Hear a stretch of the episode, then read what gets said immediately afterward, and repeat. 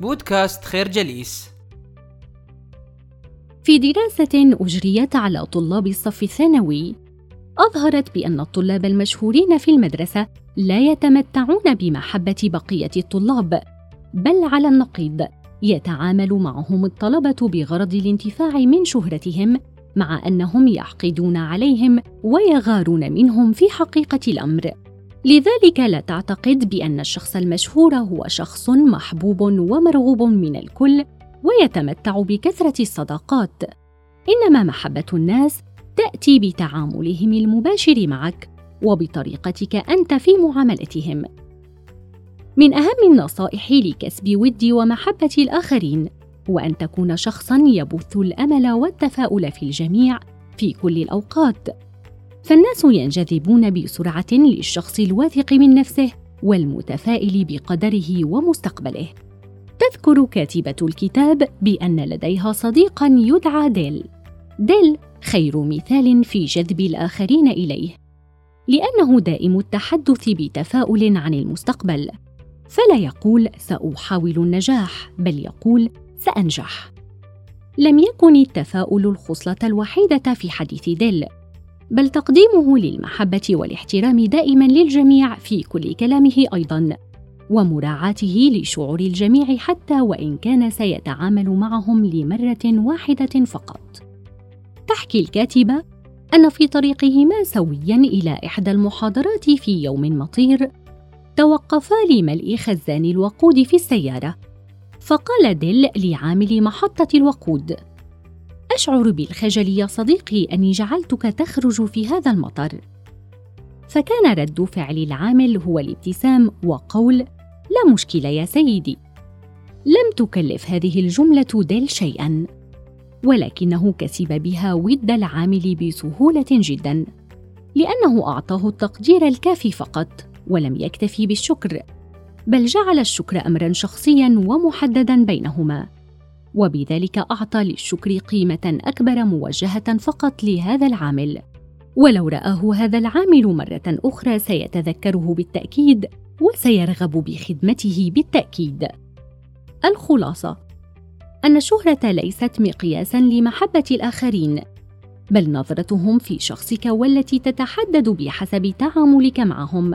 طريقتك الاحترافية في احترام الآخرين ورغباتهم وتقديرهم والإنصات الجيد لهم. كلها تقنيات رائعة لجذبهم إليك ومصادقتهم بسهولة. الفكرة الشهرة لا تعني محبة الناس لك. قد يبدو لك جذب الناس سهلا إن استخدمت الكلمات المناسبة ولكن البدايات السعيدة لا تبني علاقات قوية وعميقة عادة. ببساطة لأن طبيعة الإنسان البيولوجية معقدة خصوصا في حال تعامله مع مشاعر الحب أو الصداقة. توصلت مئات الأبحاث الحديثة بأن مشاعر الحب نتيجة عن إفراز العقل لمواد كيميائية في الجسم عند تفاعله مع من يحبهم. تلك المواد تسبب الإحساس المعروف بالنشوة أو الوقوع في الغرام أو الرغبة في السفر مع هذا الصديق إلى أقاصي الأرض.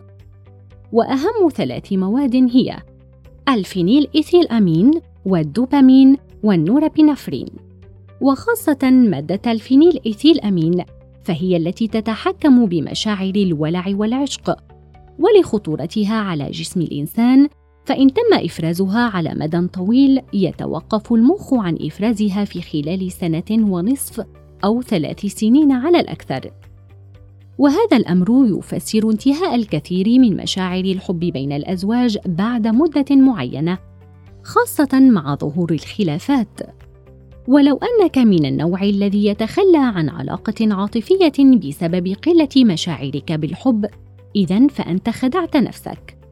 لأن العلاقات الحقيقية لا تبنى على المشاعر فقط بل تكون المشاعر هي الخطوة الأولى المؤدية لبناء العلاقة. ومن ثم السماح للوقت والمجهود الذي تبذله في إبقاء العلاقة والحفاظ على من معك أن يؤسس علاقة متينة تستمر مدى حياة الاثنين. وفي الوقت الذي تنسحب فيه مادة الفينيل إيثيل أمين يبدأ العقل بإفراز مواد تدعى الإندورفينات.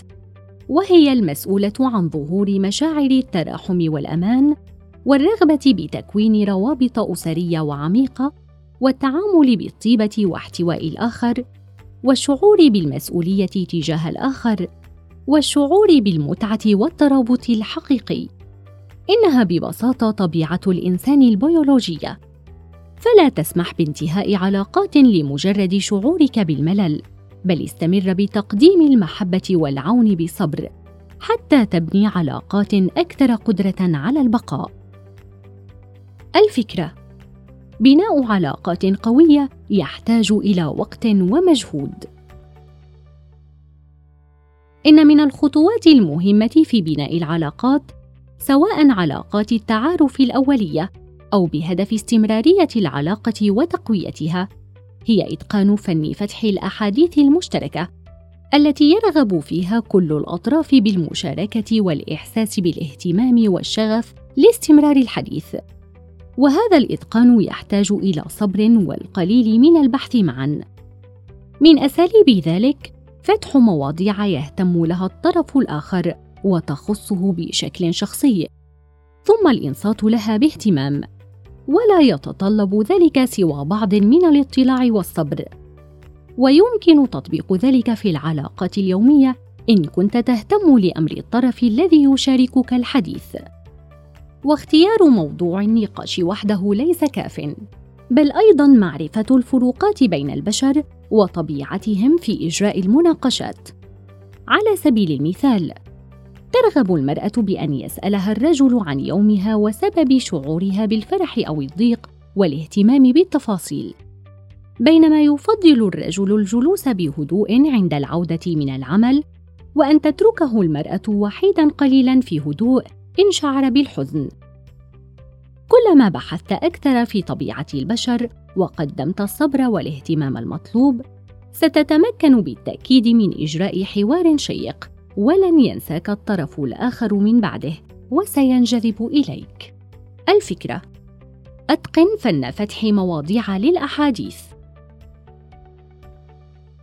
قد تعتقد خطأ بأن النفاق هو الوسيلة الوحيدة لبناء شبكة علاقات تفيدك وقت الحاجة في الحصول على خدمة ما أو للحصول على منافع من تلك العلاقات، ولكن على النقيض لأن النفاق لن يأتيك سوى بمنافقين مثلك.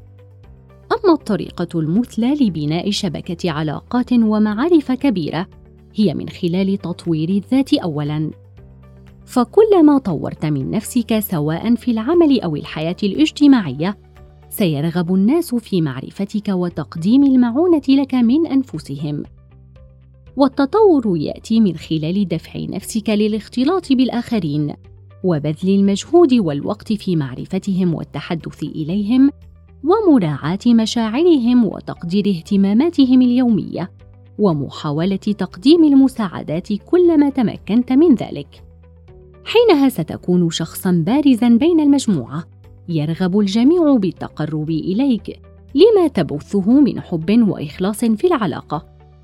بل وسيحاولون مساعدتك للوصول إلى أحلامك لأنك شاركتهم أحلامهم ومواهبهم اولا واستمعت إليهم وشجعتهم. والنصيحة الأغلى هنا هي أن تحاول البقاء على اتصال مع مجموعة علاقاتك قدر الإمكان والحفاظ على وتيرة الصداقة حتى وإن كانت ضعيفة. وفي يوم ما قد تجد أن لتلك الصداقات والمعارف البعيدة أهمية جمة في حياتك. الفكرة النفاق ليس وسيلة جيدة لبناء شبكة علاقات واسعة.